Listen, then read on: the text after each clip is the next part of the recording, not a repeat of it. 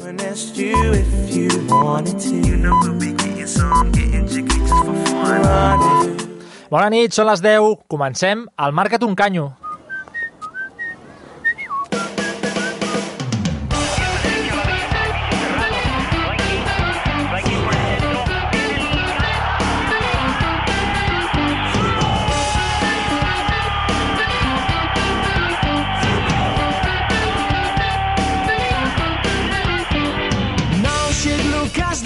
A Kultura FM marca't un canyo. Każdy dźwiga siatkę piw i kwiatek dla żony.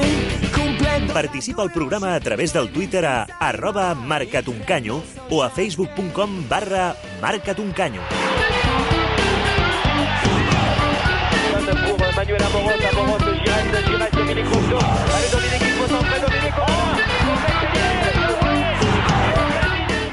Benvinguts un dilluns més a la Casa del Futbol de Cultura FM, dient que tenim aniversaris per celebrar, i no pocs, déu nhi i en què repassarem tot el que ha donat de si aquest cap de setmana a la Lliga. Posarem el focus en el Villarreal-Barça d'ahir per entendre com el club blaugrana va empatar un partit que tenia controlat per 0-2 a la mitja part. Debatrem sobre l'efecte Matier a partir del minut 55 i mirarem d'esbrinar si això de jugar a les 4 de la tarda altera els bioritmes de l'equip.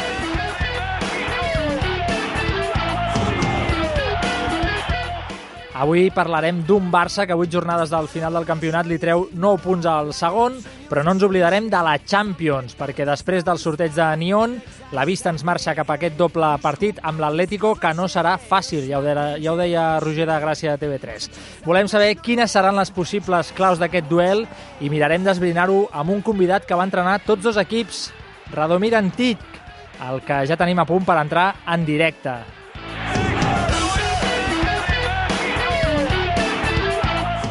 Però això passarà d'aquí una estona perquè abans volem pentinar tot el que ha passat aquest cap de setmana, ara que venen uns dies de descans a la Lliga a causa dels compromisos de seleccions entre tota la teca. També tindrem temps perquè l'Aina Grau ens il·lustri sobre la sort sort, entre cometes, del Madrid en els sortejos de Lliga de Campions i celebrarem l'aniversari d'un mite en passat blaugrana que avui fa 36 anys. Ja sabeu que podeu participar amb nosaltres des de casa. Ens ho explica l'Aina Grau ara mateix. Bona nit, Aina. Bona nit. La pregunta que fem a les xarxes té a veure amb Bartra i Matier. Sí, després del partit d'ahir us demanem Bartra hauria de ser el tercer central per davant de Matier. A Twitter amb arroba marcatuncanyo RT sí, cor no. I també la mateixa pregunta al Facebook del programa facebook.com barra marcatuncanyo. Perfecte, ja sabeu que podeu anar responent aquí a la taula després presentaré a qui ha vingut, han posat cares, no sé, d'incertesa, no sé què, què en pensen els nostres tertulians d'avui. Gràcies, Aina. Fins ara. A les vies de so, com sempre, el David Gutiérrez Guti tocant tots els botons i quan passen gairebé 4 minuts de les 10 de la nit toca repassar el que ha donat de si el cap de setmana amb els highlights de l'Aina Grau.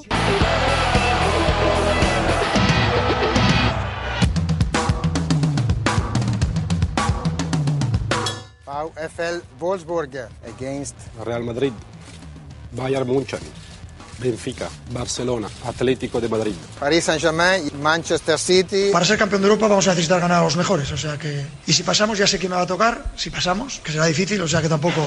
no pasa nada.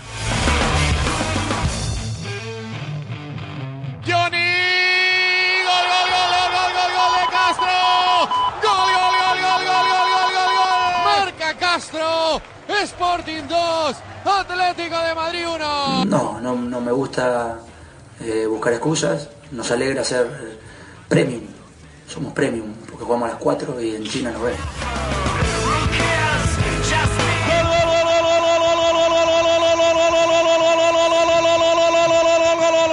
Gol del Barça, 20, gairebé 21 de la primera part. Gol de Rakitic, Villarreal 0, Barça 1. I va Neymar, Neymar, Neymar, Neymar, Neymar, gol! 1-2 guanya el Barça, la centrada de Denis Suárez, la rematada i el gol de Soldado. El Barça en uns quants eh, minuts eh, de desconnexió que perd l'avantatge de dos gols eh, que tenia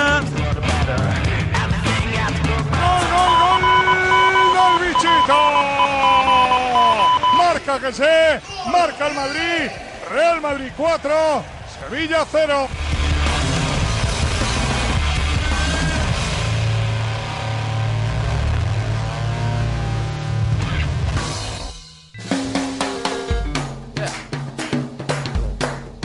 Futbol i més futbol, al Marca't un canyo, a Cultura FM.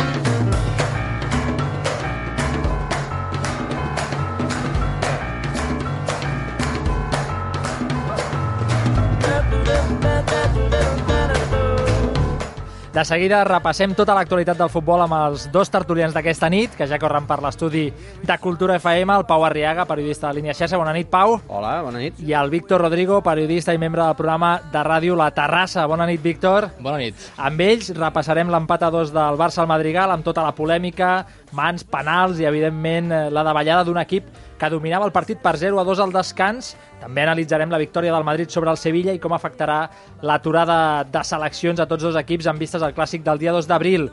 Després ens fixarem en aquest emparellament amb l'Atlético amb un convidat de luxe que va entrenar tots dos equips, Radomir Antic. Tot això en un moment de no res. La tertúlia del Marca't un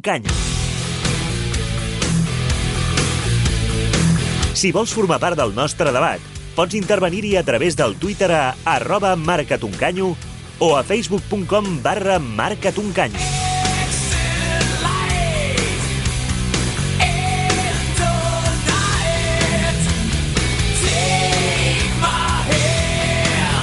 Seguim el compte enrere a la Lliga, 8 jornades per acabar i el Barça ha augmentat un punt la distància amb el segon. Tot i així, les sensacions d'ahir al Madrigal amb aquest empat a dos contra el Villarreal deixen aquest regust, eh, no sé si dir-ne agradols, que vull saber si comparteixen els tertulians de, de la taula. Víctor, Pau, quina sensació teniu després del partit d'ahir? Víctor, tu mateix. Bàsicament, jo crec que eh, és aquest, aquest, aquesta sensació de que el Barça sempre comença els partits eh, guanyant, és a dir, que hi ha com un, una lògica aplastant de que és igual el rival que li, que li fotis davant, que el Barça sempre tindrà aquest factor, diguem, d'imposició, de, de, de que sempre arribarà al descans guanyant, però ens vam trobar que després, a, a la segon, una segona part, que ja pensàvem que en cauríem 3-4 gols, ens trobem eh, una davallada de l'equip. Potser ja ho, ho acabarem debatint segur, el factor Matier i el factor de la defensa i jo crec que hi ha aquesta contraposició tan gran del, del Barça entre l'atac i la defensa que no es, pot, no es pot permetre fer aquestes davallades al, a la Lliga. És veritat que tenim una diferència amb el segon i amb el tercer bastant gran, però anar perdent partits així, jo crec que al final eh, no es pot permetre al Barça fer això. No sé si aquesta sensació que explicaré jo ara la, la comparteix gaire gent, Uh, jo particularment aquest, aquest tipus de partit si, si hagués estat mm, si, si l'empat posés, eh, posés en risc les, les opcions reals del Barça um, jo crec que tothom estaria emprenyat i, i jo m'hauria emprenyat va empatar el Villarreal i més enllà de que et, et pugui fastidiar que, que li facin un gol al Barça o, o dos en aquest cas mm, no sé, no, no, no vaig fer això tan, tan culer que és no sopar per, perquè el Barça ha perdut ni, ni res d'això, però no sé, jo crec que si l'Atlético la, si hagués, hagués aconseguit un altre resultat a Gijón a eh, dissabte, el Barça hagués afrontat el, el partit d'una altra manera i segurament mmm, per molt que el Villarreal hagués, hagués eh, empantat, perquè ho van, ho van fer molt bé, el Villarreal és un, és un equip molt sòlid i molt, i molt incòmode, eh, segurament els tres punts no s'haguessin no no escapat polèmiques al marge. És que el partit d'ahir fa la sensació que és, que és, que és d'aquests en què el Barça ha fluixat el ritme, no? Fora de casa té com un botó d'off o de desconnexió, o potser perquè sap que acabarà guanyant per la pólvora que hi ha dalt. Recordo Llevant, recordo Les Palmes, recordo Màlaga, si no, si no vaig errat. No us fa la sensació que, que anava per aquí la cosa? Que ja ho veiem molt fet, suposo, però, dosifiquem... Però va passar també amb l'Arsenal, al partit de tornada. Va haver-hi moments que el, que el Barça estava directament sastejant pràcticament. Eh, no sé, l'Arsenal potser més per, per incapacitat i perquè a dalt li falta el, el panys precisament que el, que el Barça li sobra, doncs feia la sensació de que, no sé, el Barça es deixava, es deixava endur, sabia que tenia la, la classificació a la butxaca i amb el, amb el 0-0 el, el Barça no, vaja, diguem que no, no estava incomodant gaire la, la porteria d'Ospina, marca el Neni i aleshores sí, l'equip reacciona, l'equip se'n va, se va buscar l'empat, arriba l'empat i després arriba el gol de, de Luis Suárez i ja tothom no, no va respirar, perquè jo crec que ni tan sols amb el 0-1 la gent estava intranquil·la, però no sé, aquestes desconnexions als, als quarts potser, i en un partit de Lliga puntual també, però és, és, és perillós. Anem a, anem a pams, tema per tema, si, si us sembla, perquè la ressaca del partit d'ahir ens deixa diverses qüestions a revisar, dues concretament que posaré sobre la taula. El primer, el tema de l'arbitratge, del que tant es va parlar en zona amics, tant periscopes, també als mitjans. Eh, Sánchez Martínez va ser determinant? Jo crec, jo crec que sí, bàsicament perquè eh, el, el mal arbitratge és, és, és claríssim i, evidentment, el, el condicionat a Piqué, eh, Luis Enrique el substitueix i jo crec que a partir de la substitució de Piqué, que era com el, el focus central de la defensa del Barça, el Barça va de cap a caiguda i, i no remunta. No, no vull dir que no remunti per al resultat, sinó que no segueix el joc que portava la primera part ni enfronta el partit d'una manera igual. Llavors, aquest condicionant i tenint els substituts que tenim a la defensa, el Barça es recolza molt en Rakitic i en Mascherano i la pilota no és el mateix que tenia un Piqué, que tenia un Mascherano i, evidentment, que tenia Matier. Evidentment. Matier, si voleu podem entrar ja a l'efecte Matier, eh? Teniu clar que aquest és el detonant del partit? És un dels grans detonants. Jo no el posaria com l'únic causant de, de l'empat, però sí que és un dels grans detonants i fa més, més, més real el problema dels centrals al Barça que ja s'hauria d'haver solucionat fa molt de temps. Clar, Matier entra al minut 55, substituint Piqué, com deia el Víctor, i el Villarreal remunta amb gols al 57 i al 63. Significatiu. No sé si recordeu els gols, perquè el primer de Bacambo arriba després d'una gran jugada de Denis Suárez, xuta, eh, Bravo refusa, però Matier passeja, diguem. Jo, jo aquest matí he vist la jugada repetida dos i tres cops per allò de voler ser benevolent amb Matier, perquè tothom el sí, critica, no? Però, però al final no et, deixa, no et deixa moltes opcions i el segon, vaja, és ell mateix que fa, que fa el regal. Ho preguntàvem via xarxes socials, us ho vull preguntar a vosaltres també, Bartra hauria de ser el tercer central per davant de Matier? O tampoc és Bartra la solució? Per, per mi no, però per un, per un motiu molt simple. Si Guardiola no hi confiava, Tito no hi confiava, el Tata no hi confiava i Luis Enrique no hi confia, clar, jo, jo puc entendre que un, que un entrenador no li agradi un, un jugador o, o no hi cregui. Ha passat, ha passat en molts casos, amb, amb Sergi Roberto, sense, sense anar més lluny, ningú li havia donat la, la continuïtat que li ha donat Luis Enrique i ara resulta que tens un jugador útil i, i polivalent. Clar, amb, amb Bartra estem d'acord que quan, quan ha sortit no ha, mai, mai, mai ho ha fet malament, excepte el, el, la famosa semifinal del 7-0 contra el Bayern, però vaja, en cap cas uh, la, la pallissa que li va fotre el Bayern al Barça és, és culpa de Bartra.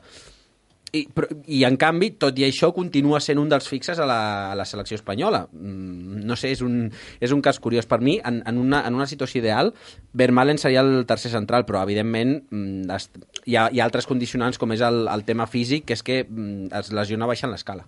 Sí, sí, i jo més, jo, jo, jo a Bartra sempre he trencat una llança en favor d'ell, a mi m'agradava molt, jo no entenia per què no se li donava tants minuts i es fitxaven eh, jugadors tenint uh, un tio que venia de la Masia, però jo coincideixo amb el Pau, o sigui, hi ha un conjunt d'entrenadors que ja no li han donat l'oportunitat que s'hagués merescut en el seu moment, ara Bartra eh, és que és impossible que s'adapti, que tingui un, un nivell de joc ni que s'adacui a les necessitats que té el Barça enfront de les eliminatòries que arriben i del tram final de la temporada. Llavors, eh, Barça com a, eh, Bartra com a tercer central, fa 3 anys, sí. Si li hagués donat una continuïtat i una confiança que ningú li va donar, sí. Que Bartra és dolent, mai ho ha sigut. Però clar, és que ara no pots fer jugar a Bartra donant-li unes responsabilitats que mai ha tingut. Llavors, mm, necessitem un altre. I un, un petit apunt, si m'ho permets, Juri. Jo crec I que amb, amb Matí hi ha moltíssima diferència si juga de principi o si entra a la segona part.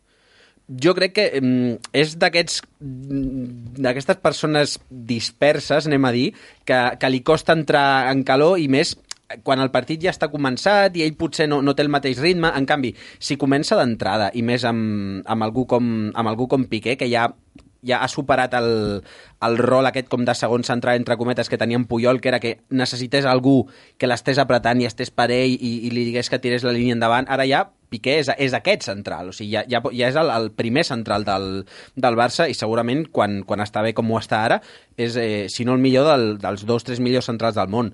I, i en Matier, doncs jo crec que necessita precisament aqu aquest mm, central cabron amb experiència que l'apreti, que el mantingui tensionat i... I continuïtat. Per això es deia jo abans que, que ha intentat buscar arguments per defensar-lo. Matí, al final, els partits que ha sortit des de l'inici...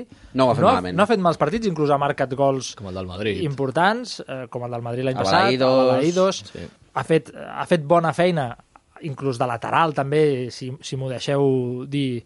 Però, clar, sembla que el noi quan entra a mitges, no sé si és que ve de...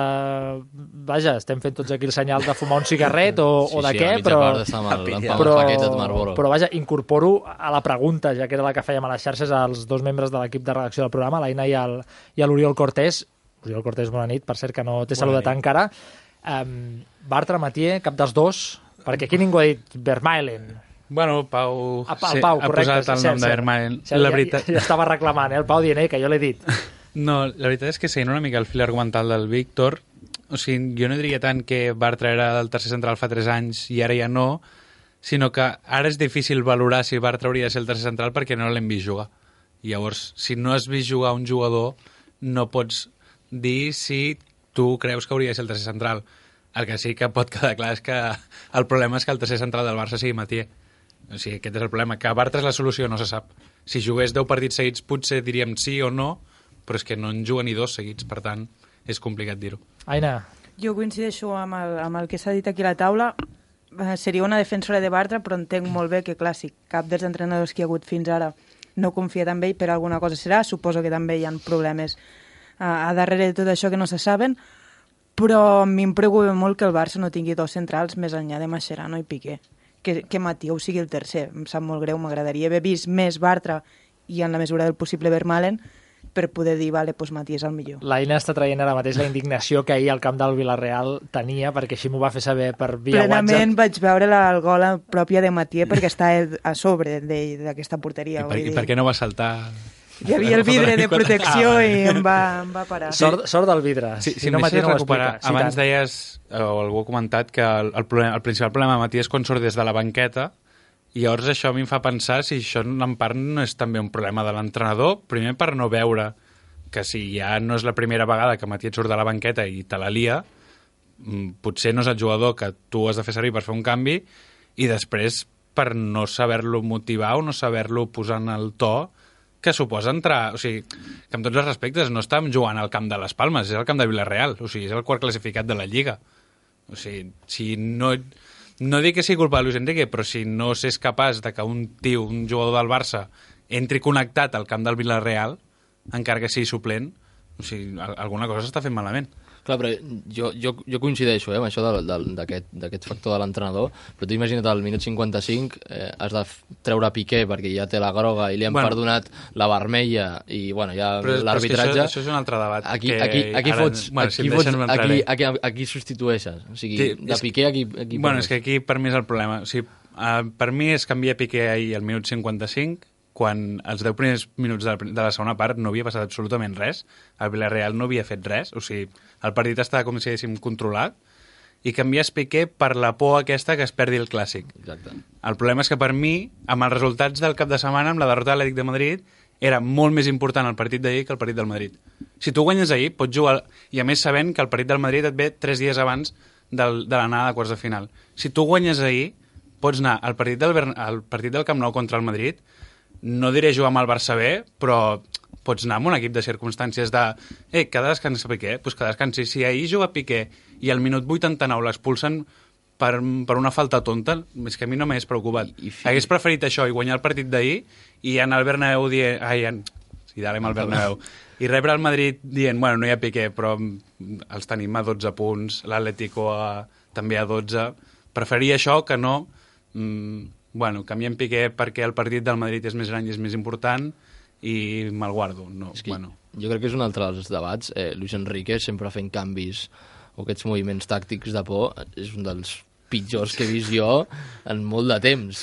Bàsicament per no saber gestionar això i fins i tot que tu i jo veiem això eh, Luis Enrique que està cada dia amb, amb gestionant el Barça no pugui tenir aquesta perspectiva com que, vale, normalment la segona volta sempre ens tocaven al Bernabéu i amb una diferència relativa i jugant-nos-ho tot allà a la Lliga però amb la diferència que, com has dit tu, mm, perdona'm, jo prefereixo anar-me'n a les, a les, als quarts de final de la Champions Sí. amb un marge que no amb un Piqué, que altres vegades hi hem jugat sense Piqué contra el Madrid, i tampoc Sí, ens sí. hem mort. Per això, per això, sí, no... Va ser que, és que va ser el que vaig pensar quan van canviar Piqué al minut 55, que no havia passat res. Cago, I a sobre els hi dones eh, el- Sí. l'oportunitat a, a los del otro lado de que a l'arbitratge, tan mal arbitratge, Sí. com mira com es caguen, que sabien que Piqué, Piqué hauria d'estar expulsat, bueno... Per cert, eh, enfocant més a Villarreal i molt breument perquè, perquè anirem canviant de temes ja, déu nhi la segona part de, de Denis Suárez, del que s'especula que la, la temporada que ve tornarà al Barça. Suposo que esteu contents si aquest és el, ha de ser el nivell de Denis Suárez. Sí, um, i, i potser en la, en la línia Arda, Arda Duran, jugador, jugador polivalent, jugador que pots, pots adaptar als, als dos extrems i segurament fent les funcions del, del que avui seria Iniesta, o sigui, el, el migcampista més aviat, més aviat creatiu.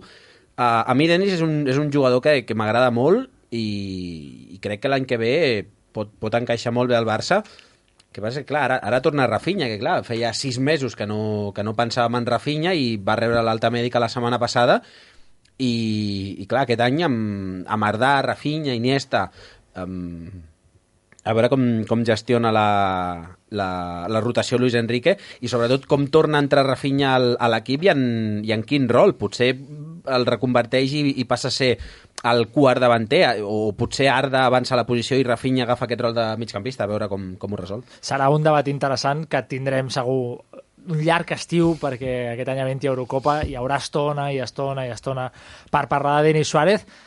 De seguida canviem de terç i ens fixem en altres coses, però abans, una notícia que em ve de gust comentar, que és que el mític David Vidal és nou tècnic del Guadalajara, no sé si us sona, aquell senyor amb bigoti, sí. que havia entrenat a les Palmes, entre d'altres. Amb aquella- amb aquella- amb aquella veu de el Pau el clava caraji- bastant. de carajillo. Si s'atreveix a fer-lo, no sé no, si... no. no, no el faríem en directe. No, perquè potser hi ha gent que està sopant o... I s'espanta. I s'espanta. Eh, Val, d'acord. I l'altra cosa que vull fer és que l'Aina Grau ens recordi molt ràpidament que estem preguntant avui a les xarxes. En relació al que parlàvem fa un moment a la taula, Bartra hauria de ser el tercer central per davant de Matier, a twitter.com barra marcatuncanyo, RT sí, corno a facebook.com barra el mateix, i ens podeu fer arribar la vostra opinió a marcatuncanyo arroba culturafm.com. Perfecte, gràcies Aina. Aquest 21 de març, avui, ens deixa aniversaris, com deia abans, molt diversos, alguns en clau culer, altres no. Jordi Alba ha fet 27, Ronald Koeman, l'home de primera Champions, n'ha fet 53, però n'hi ha un d'especial eh, pel que no volíem deixar passar l'oportunitat de tenir un record, un futbolista que va canviar el rumb del Barça, un brasiler màgic que va retornar al somriure als culers després d'una època negra. Amb tots vostès, Ronaldinho Gaucho, en un reportatge de la Paula Carreras. 21 de març de 1980. Avui fa 36 anys va néixer a Porto Alegre, Brasil, Ronaldo de Assis Moreira, Ronaldinho Gaúcho, el màxim exponent del joga bonito. Amb ell van gaudir tots els amants del futbol. Els periodistes. A meter Ronaldinho. ¡Golazo! ¡Qué fácil lo hace! ¡Qué fácil lo hace! Atención, el Bernabéu está de pie. Está de pie aplaudiendo a Ronaldinho. Per Xavi a la frontal, la sentada de Xavi per Ronaldinho, no estan fora de joc. La xilena! Gol! And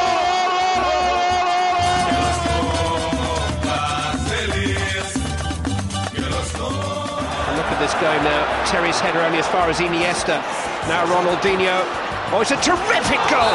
Wonderful, wonderful goal.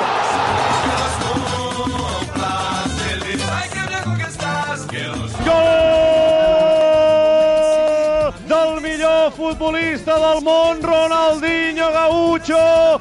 Gran penal ha xutat el brasiler a mitja altura, justadet al pal dret de la porteria de Renke. Van gaudir els companys de vestidor. Yo tuve la suerte de jugar con Ronaldinho y me acuerdo que nos quedábamos en- antes de empezar el partido solo viéndolo a él pelotear con el balón.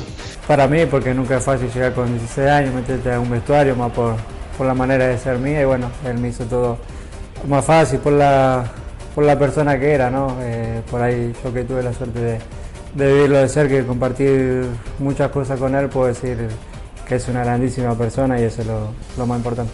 Cuando Ronaldinho marca ese gol donde se va de casi todo el campo, incluso de los jugadores de Barça, yo mismo me paro y miro así y digo, pero ¿qué nos está pasando?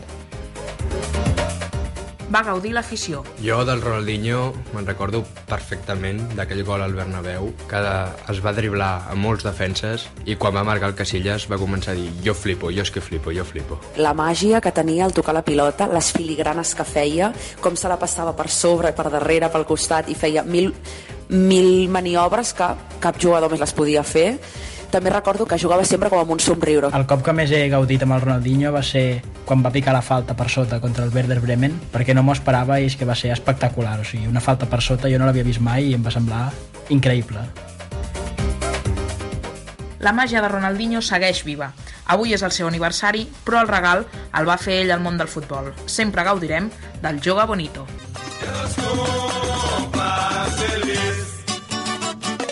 Que los cumpla feliç eh, Ronaldinho. A la taula, no sé quin és el millor record que teniu de, de Roni vestit de blaugrana o no, Víctor. Jo crec que és el de... perquè jo es, escoltava molt la ràdio quan era petit, de les retransmissions, i el, el gol aquell al Milan que va fer un, un Una catacrac mig a Barcelona, que jo me'n recordo de llegir la notícia que va, el Va fer una- sismògraf va fer una agafar elàstica com a frontal, va un, amb un, l'esquerra. un terratrèmol Sí, sí, sí. i el de Stanford Bridge que després ens van robar l'eliminatòria el Terry amb el que el va parir i jo me'n recordo del gol d'allà d'aixecar de, ens vam aixecar tot l'edifici gairebé amb tots els veïns que l'estaven escoltant per la ràdio i va ser, clar, jo tenia 8-9 anys i va ser... Que és, que és, que és jove, el nano. Que és jove, és, soc és molt jove, jove. jo. Oriol Cortés, tu també ets molt jove. Bueno, sí. Um, jo em quedo amb el, amb el somriure i l'alegria que va tornar al Camp Nou, sobretot perquè va fer tornar a gaudir els barcelonistes. I em Després quedo... de cinc anys infumables. Sí. I em quedo amb el... Em sembla que va ser el primer gol que va marcar el Camp Nou a les 12 de la nit contra el Sevilla, un gol des de... La nit del Gaspacho. Des de molt, molt llunyà. L'esquadra aquella, que Sí, sí. toca el pal. Toca el pal i entra i... Bueno, és això. No, no, driblant mig Sevilla, de fet, des del propi terreny de joc, sí, sí. i des de fora Sí, de sí. l'àrea, Vaya travesser cap dins. Gardela absolutament descomunal. Pau Arriaga. Com jo no sóc tan jove com aquí, aquí, aquí, mi- aquí mis compadres, uh, et diré, com, com els últims records que tinc de Ronaldinho no són bons, uh, et diré el primer que tinc que sí que ho és. Uh, no sé si és vuitens o quarts de final del, del Mundial de Corea i Japó, en Brasil, una falta que treu des de la banda dreta del, de l'atac de la selecció i una, un globet per sobre de David Seaman, que és el primer que recordo de Ronaldinho. Vestit amb la segona equipació, la Blava. la blava eh? Per mi és aquella la primera selecció a Brasil, per mi. Tenia 7 anys. Però, I dale amb l'edat, eh? Anava a dir, prou ja de recordar-nos la- l'edat que tens, nano. Aina Grau, que també és molt jove. Jo sóc dels clàssics i per mi el dia del Bernabéu. Em quedo amb això. Els aplaudiments d'aquell senyor amb bigoti. Com, com oblidar-ho, no? Sí, sí, vull dir, era jove i encara ho recordo. Sí, senyora. Eh, gràcies per recordar-nos, al Pau i a mi, que no som tan joves, precisament això, que no ho som. Va, tanquem la carpeta de la Lliga aquí i anem a altres coses, perquè ja ens espera per parlar de la Champions i del Barça Atlético de quarts. Atenció, senyores i senyors, Radomir Antic. Esteu escoltant el Marca't un canyo, a Cultura FM. Després del sorteig de Champions que va deparar un enfrontament entre Barça i Atlético de Madrid, volem analitzar què pot donar de si aquest emparellament. Per parlar de tot això, hem anat a buscar un home que va entrenar tots dos clubs i que, de fet, va estar a punt d'entrenar a Ronaldinho al Barça. Segur que ell ens aporta llum sobre el que podrem veure en aquesta eliminatòria entre blaugranes i matalassers. A aquesta hora de la nit és un plaer saludar a Radomir Antich. Radomir, buenas noches. Hola, buenas noches. Buenas noches. Eh, ¿Entiendes el catalán? No mucho. No mucho, ¿eh? No, no, la, la haremos en castellano, la haremos en, castellano. por favor, Oye, por favor. ¿cómo, ¿cómo estás? ¿Te pillamos de vacaciones de Semana Santa ya o, o no? Sí, sí, Sí, estoy ¿eh? aprovechando con familia venir en eh, Marbella y espero tener buen tiempo. Oye, antes hemos estado hablando en el programa de, de Ronaldinho, que hoy cumple 36 años, no sé si lo sabías. La temporada anterior a la llegada de Ronnie, tú cogiste al Barça tras la destitución de Luis Van Gaal, cuando el equipo estaba a tres puntos del descenso en la jornada 20, y lograste clasificarlo para la Copa de la UEFA en una segunda vuelta espectacular, sabiendo que podrías haber entrenado a un crack como fue el brasileño. No sé si te dolió que después de demostrar ese buen trabajo, el club no contara contigo la, la siguiente temporada. Bueno, de verdad que, que ha sido seis meses bastante duros, porque se hablaba poco de fútbol, había incertidumbres sobre el nuevo presidente, y de verdad eh, estoy muy orgulloso de estos seis meses porque como todos quedamos con uno con otro resultado, pero también hay eh, varias mis decisiones que luego favorecido historia del club. Leímos aquí en Barcelona por la prensa que, que, la directiva sí que reconoció ese buen trabajo que, que hiciste. Hubo elecciones y, y, Joan Laporta, que fue el presidente entrante, y su junta no, no siguieron contando con, con Radomir. Eh, qui- quizás eh, ahí hubo un poco de fallo por parte del, del club, ¿no? Bueno, yo creo que eh, los hechos hay que siempre respetarlo porque, por supuesto, yo creo que se ha hecho un gran trabajo.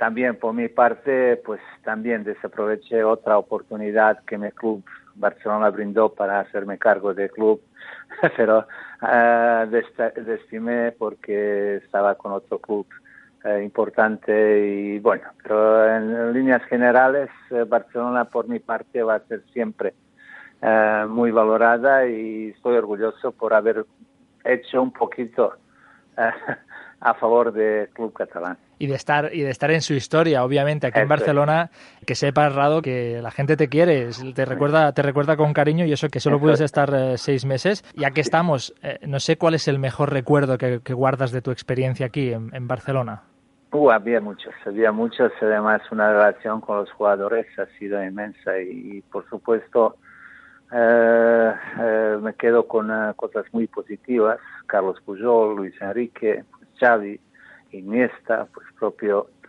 eh, propio Valdés y bueno, todos, Overmars, muchas cosas, muchas cosas, porque todos estos jugadores eh, de una manera hicimos eh, algunos cambios de posición para luego mejorar su rendimiento y de verdad me quedé con ello. A, y, a, y, a, fe que funcionó, ¿eh? mejoró tanto que, que los subiste, como decíamos, a, a, la Copa de la UEFA cuando estaban a, tan solo tres puntos del descenso, algo impensable para un club como el Barcelona. Por cierto, un Barça que a falta de ocho jornadas ya huele a campeón. Pues eh, yo creo que Barcelona uh, está haciendo historia en todos aspectos. Una apuesta futbolística por parte de Luis Enrique inmejorable una autoridad y dedicarse a sí mismo es privilegio en, tiempos que estamos viviendo. Y yo creo que uh, para Barcelona debe ser orgullo porque siempre se quedamos con resultados. Y ahora hablamos de 39 partidos seguidos sin conocer de la derrota. Pero yo, yo me quedé, uh, quedo con más un compromiso que cada jugador Uh, tiene con, uh, con grupo, porque otro día, víspera de partido contra Arsenal, me, me encantó un detalle que quizá muchos no, no daron importancia, salida, salida tres estrellas arriba juntos, esperando uno a otro para salir juntos de calentarse. Y eso sí que me ha hecho, hecho mucha gracia y además uh, me demuestro que detrás de estos resultados hay mucho más una, un ambiente bueno que siempre da buenos resultados. Al final, cuando los futbolistas se llevan bien y se entienden, supongo que tú que lo has vivido desde dentro como profesional, es, es la clave. No, y aparte de esto, yo creo que este Barcelona de actual, pues hay un compromiso enorme cada jugador con grupo. Y todos estamos encantados con los goles de, de, de arriba de Neymar, de, de Suárez o Messi, pero yo me quedo, quedo con uh, este equilibrio de cada un jugador que está trabajando a favor del grupo. De, de una vez uh, perdiendo el balón, en, el mismo momento nace uh, recuperación y eso sí que me encanta de Barcelona actual. Hablabas antes de Luis Enrique, que has dicho que era una de las cosas buenas que recuerdas de tu paso por, por aquí. Cuando era futbolista, cuando le entrenabas tú, ¿ya tenía madera de, de técnico? Sí, mira, yo tuve, tuve de verdad pues una fortuna, yo la traída de, de, traído de, Sporting a, Real Madrid, eh, precisamente que aparte de, de, tener condiciones técnicas, yo creo que humanas siempre he sido por encima de ellas, porque es un jugador que, que tiene un gran carácter, eh, carácter donde no existe palabra rendirse. Y creo que, eh, por supuesto, nuestra relación aquella época ha sido eh, inmejorable porque eh, debo que reconocer que los capitanes en mi trabajo participan mucho para crear un ambiente de, confianza y ambiente de, de eh, como puedo decir, de, de, junto luchar por los mismos uh, objetivos. Radomir, antes te hemos dicho que queríamos saber cómo veías este emparejamiento de Champions, pero antes hay que escuchar la música de la Champions.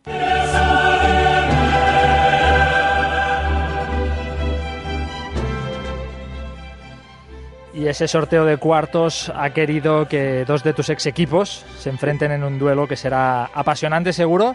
¿Cómo crees que va a enfrentar cada, cada conjunto ese choque? Empecemos por el Atlético, si quieres. Bueno, eh, Cholo con eh, buen criterio intenta pues eh, traspasar responsabilidad de favorito a Barcelona. Es evidente que estamos ahora en eh, unas, eh, una situación donde re- responsabilidad juega un papel muy importante y además un calendario donde cada día pues eh, cambia un poco posibilidades de contar con toda la plantilla. Otro día pues Atlético se quedó sin, sin los centrales, eh, todo que y, se recupera en tres, cuatro semanas y falta competitividad para enfrentar un partido con tanta trascendencia como cuarto final de Liga de Campeones. Por eso Atlético, eh, por supuesto, ha dado buena impresión eh, eh, en partido de ida contra Barcelona, ir por delante de marcador y quizá su apuesta futbolística es mucho más ir a contrarrestar eh, juego de y de, allí buscar su oportunidad. Eh, pero es evidente que eh, hay que esperar este compromiso que tienen los jugadores con sus represe- repres- representaciones y a ver en qué condiciones se vuelven para participar con sus clubes. Y en el caso del Barça, ¿cómo crees que, que gestionará este partido Luis Enrique? Un partido complicado. Pues mira, no ir más, más lejos. Ayer, pues Luis Enrique eh, pues ha sido un poco condicionado con el futuro inmediato, porque quitando dos jugadores con las tarjetas, pues, intento eh, eh, protegerlos para tener eh, posibilidad de contar con ellos con un próximo partido en casa contra el Real Madrid. Y por supuesto, día 2, solo tres días antes del partido Atlético Madrid,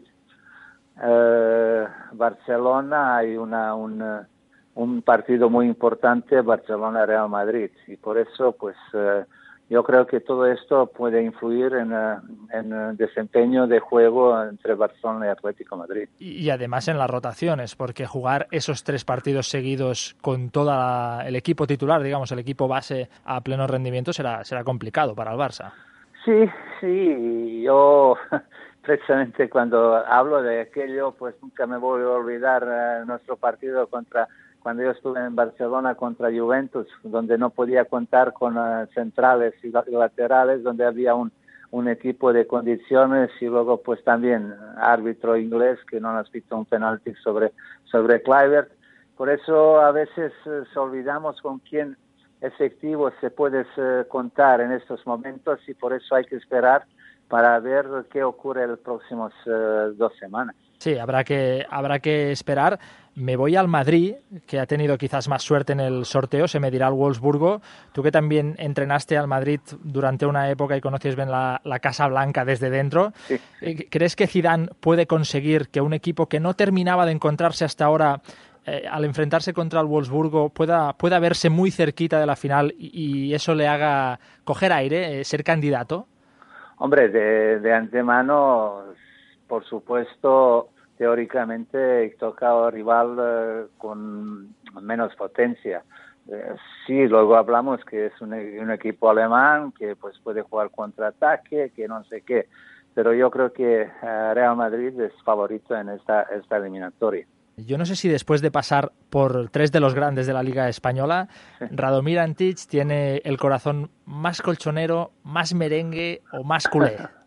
Una cosa que puedes, eh, que tienes que ser muy seguro que mi corazón es de fútbol, porque a mí, aparte de resultados, me gusta contenido y me gusta eh, mucho más disfrutar a ver de qué manera pues se comportan eh, cada jugador de acuerdo con sus virtudes, no con sus defectos o debilidades, mejor dicho. Un hombre de fútbol, Radomir Antich, sí señor. Eh, buena respuesta, ¿eh? creía que, que, No, me, que me ibas a decir alguna otra no, cosa, no, pero... esa es la verdad, porque mira, yo diariamente estoy viendo fútbol y, y- y quizá esta, esta mi apuesta me permite ver tres, cuatro partidos a seguidos, porque me gusta ver de qué manera pues uno eh, saca faltas, de qué manera se defiende, que de, dónde quiere jugar, si es posible. Eh, pocas a vosotros les gusta eh, como a mí que busques en su, su campo no pierde ni un, ni, una- ni un balón y todo esto es hace lo mismo una labor como gol de Messi de una falta, un movimiento en espacio por parte de, de Neymar, con, donde puede eh, Messi a poner balón además con la perfección. Todos estos detalles a mí me, a mí me eh, pues llena llena de, de sentimiento porque el fútbol para mí es, es contenido y eso sí que me, que me gusta. No, no, lo decía precisamente en esa, en esa línea porque a mí, y ahora hago una valoración personal, eh, me gusta mucho el fútbol y a veces cuesta desprenderse de- del fanatismo y, y es mucho más divertido cuando uno no siente los colores y disfruta de todo lo que pasa en un campo. Pero estamos viviendo una, una, una época donde, pues, eh, no sé, antagonismo, se habla mucho más de errores arbitrales que aciertos de los jugadores, porque estamos viviendo unas jugadas maravillosas de espacio, de movimiento, de, de goles, otro día gol de, de un golea de, Suárez, y quizás se hablaba mucho más si hubo falta, no hubo falta, si había eh, fuera de juego como otro día o no.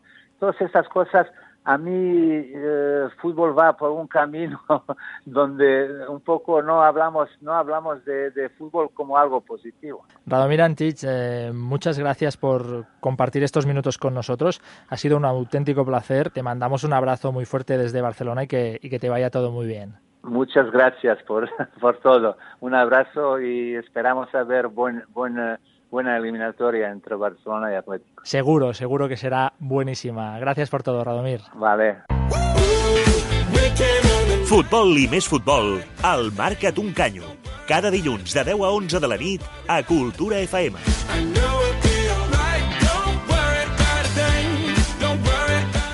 Un gust poder xerrar amb un mite com Radomir Antic, que una de les coses que ha dit és que a aquest Barça no li serà fàcil jugar contra l'Atlético i també ho vull preguntar a la taula al Víctor i al, i al Pau. És el pitjor rival que li podia tocar? El pitjor jo crec que no, però sí el que fa molta més mandra, perquè jo per veure un Barça Atlético de Madrid prefereixo veure a la Lliga i que em deixin en pau a la Champions. No fa Champions, I, i, si, eh? I si ens hem de trobar a la Champions ens trobem a la final i mira, que sea lo que tenga que ser. Però jo crec que és un dels pitjors i a sobre el que fot més mandra. si el partit, si l'Atlético fa el, li surt el partit que plantejarà segur, eh, és, serà un rival molt, molt, molt incòmode. Ara, depèn molt de les baixes, sobretot en defensa, Godín i Jiménez. Divendres, al sorteig de quarts de final de la Champions, el Madrid va tornar a tenir la sort de cara, eliminatòria contra el Wolfsburg, amb tornada al Bernabéu, ni que fos el guió escrit per algú merengue. L'Aina Grau avui s'ha dedicat a buscar sortejos dels últims anys per veure si realment el que li passa al Madrid és sort o són imaginacions nostres. Bona nit, Aina. Bona nit, Oriol. Així és, eh, hem agafat les últimes cinc temporades de Champions i hem analitzat els sortejos tant en clau blanca com blaugrana.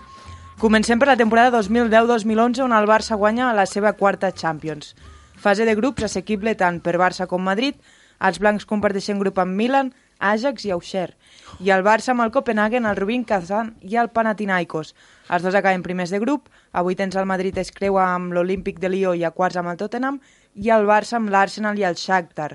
A semifinals, Barça-Madrid amb les famoses rodes de premsa de Guardiola i Mourinho. El puto amo, eh, vols dir? Perfecte, anem a la temporada 2011-2012. A la fase de grups, el Madrid s'enfronta a l'Olímpic de Lió, l'Ajax i el Dinamo de Zagreb. Els blancs acaben primers de grup en ple de victòries. El Barça, per la seva banda, competeix amb Milan, Victoria Pilsen i Bate. A vuitens, el Madrid s'enfronta al Xesca i a quarts a l'Apoel. El Barça amb el Bayer Leverkusen i el Milan. A la temporada 2012-2013 el Madrid té un dels grups més complicats. Borussia, Ajax i City. Els blancs acaben segons per darrere del Borussia, equip eh, el qual els elimina a semifinals quan es tornen a trobar pel camí. Vuitens contra el Manchester United i quarts contra el Galatasaray. I si el Madrid tenia un grup complicat, el del Barça aquest cop era més assequible. Celtic, Benfica i Spartak de Moscou a la frase de grups. Vuitens contra el Milan, quarts de final contra el PSG i semis amb el Bayern, que es carregarien al Barça amb un global de 7 a 0 en una eliminatòria totalment desastrosa. I tan desastrosa. Anem a la temporada 2013-2014 en què el Madrid guanya la dècima. A la fase de grups, els blancs s'enfronten al Galatasaray, la Juventus i el Copenhagen. En canvi, el Barça juga contra el Milan, l'Ajax i el Celtic. A vuitens el Madrid guanya el Schalke i a quarts el Borussia. El Barça, per la seva banda, s'enfronta al City a vuitens, però ca cau a quarts de final contra l'Atlético, rival al qual el Madrid guanya la final a Lisboa. I la temporada passada, la 2014-2015, com va anar la cosa? A la fase de grups, el Madrid es va enfrontar al Liverpool, al Ludogorets i al Basilea, un grup amb només un rival teòricament fort, com és el Liverpool. El Barça, en canvi, compartia grup amb Ajax, PSG i Apoel. A vuitens, el Madrid, però ho va tenir fàcil. Emparellat amb el Schalke i passant a quarts, tots i que els alemanys van estar a punt de donar la sorpresa, a quarts el sorteig els va enfrontar amb l'Atlético que els va eliminar. Eh, el Barça, en canvi, va arribar... És que ric perquè a la taula és un poema, però acabem, acabem el, aquesta peça que ha preparat l'Aina. El Barça, en canvi, va arribar a la final de Berlín derrotant tots els campions de les lligues més importants d'Europa. A banda d'Ajax i PSG a la fase de grups, els blaugrans es van trobar amb el City a vuitens i el PSG de nou a quarts de final. Bayern i Juventus van ser els rivals a la semifinal i a la final en què el Barça va aixecar la seva cinquena Copa d'Europa. Val, vist tot això, Aina Grau, tu que tu has treballat, realment el Madrid té molta més sort que el Barça en aquests sortejos? Podríem posar un percentatge, 60% sí, i vaig amb tot. Més ja ha tingut rivals d'entitat, també. Per tant, hi ha molta part també d'imaginació blaugrana, no? De, de sempre dir que el Madrid és el que surt més afavorit i, i no el Barça. Veig molts riures a la taula ràpidament, els que, els que No, fa no, estona perdó. que esteu protestant, perquè a casa no us veuen, però era un agafat- poema... M'ha agafat un atac de riure quan, Sí. he, sentit, quan he sentit el nom del Ludogorets. O sigui, no he pogut aguantar-me. Hauríem d'incorporar Oh, però, avui però, el, però el el Barça va Peris. jugar contra l'Apoel. No, ja, però...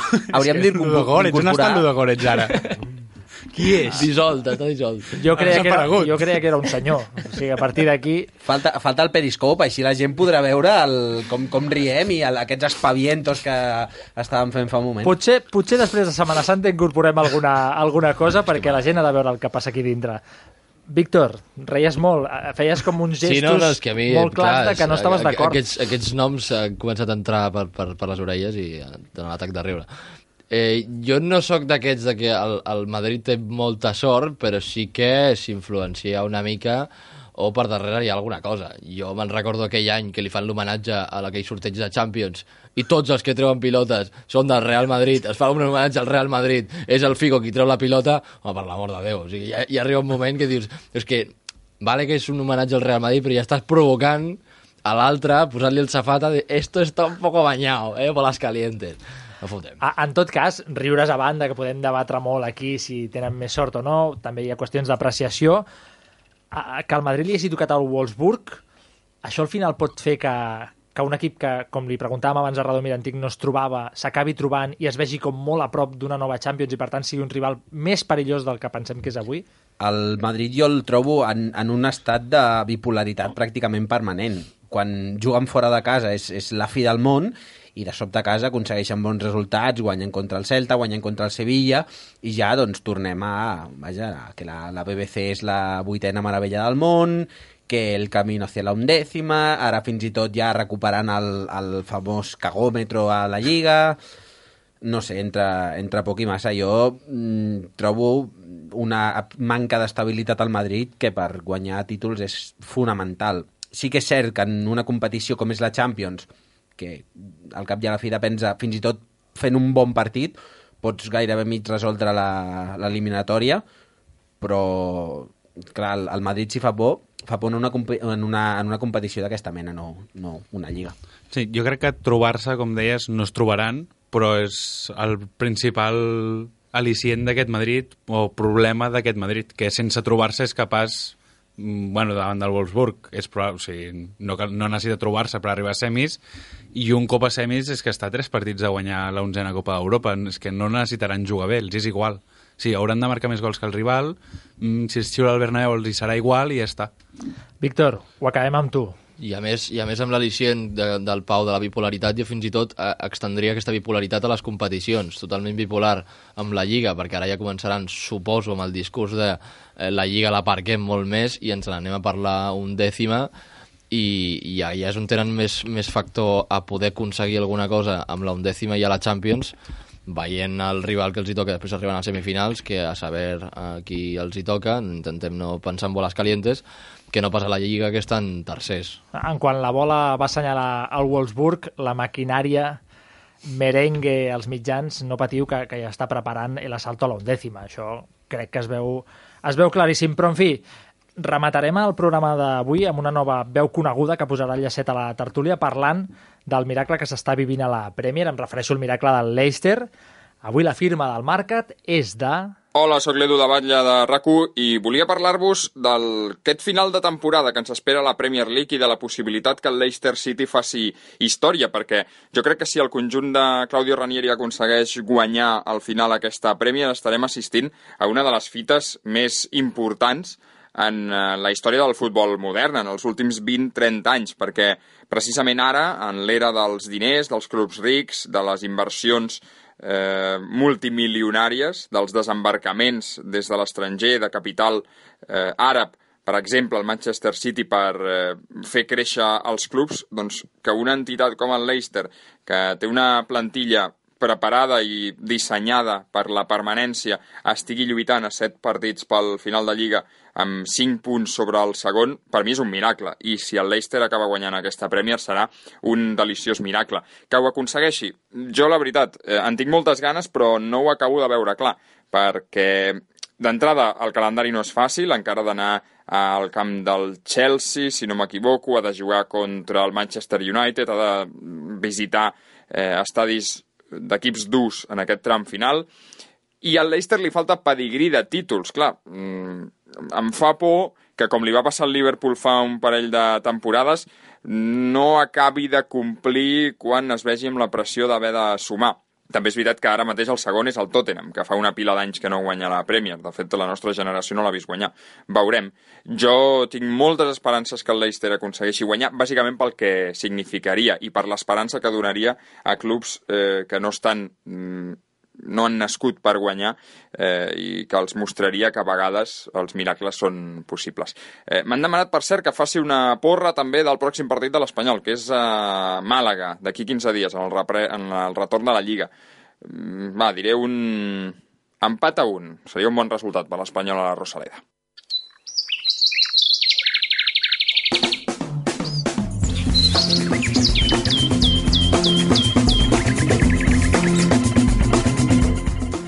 Aina Grau, què ha dit la gent a les Digue'm. xarxes? Doncs Bartra hauria de ser el tercer central per davant de Matié, 70% que sí i 30% no.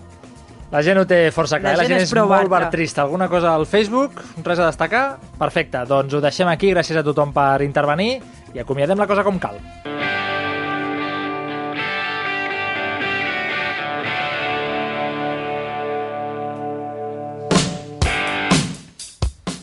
Gairebé 6 minuts i arribarem a les 11 de la nit. La setmana que ve ens agafarem un respir, eh? Si, si va bé, eh? Si va bé la cosa. I a la taula tothom em diu que sí. No sé si a casa em diuen tots que sí.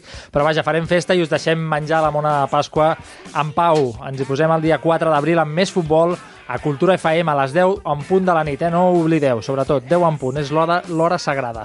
Gràcies a la redacció del programa, a l'Oriol Cortés, a l'Aina Grau i al Guti a la part tècnica i als tertulians d'aquesta nit. També un agraïment molt gran al Víctor Rodrigo i al Pau Arriaga. I els de casa, bona Setmana Santa, alerta amb els ous de xocolata que els carrega el diable i que el futbol us acompanyi.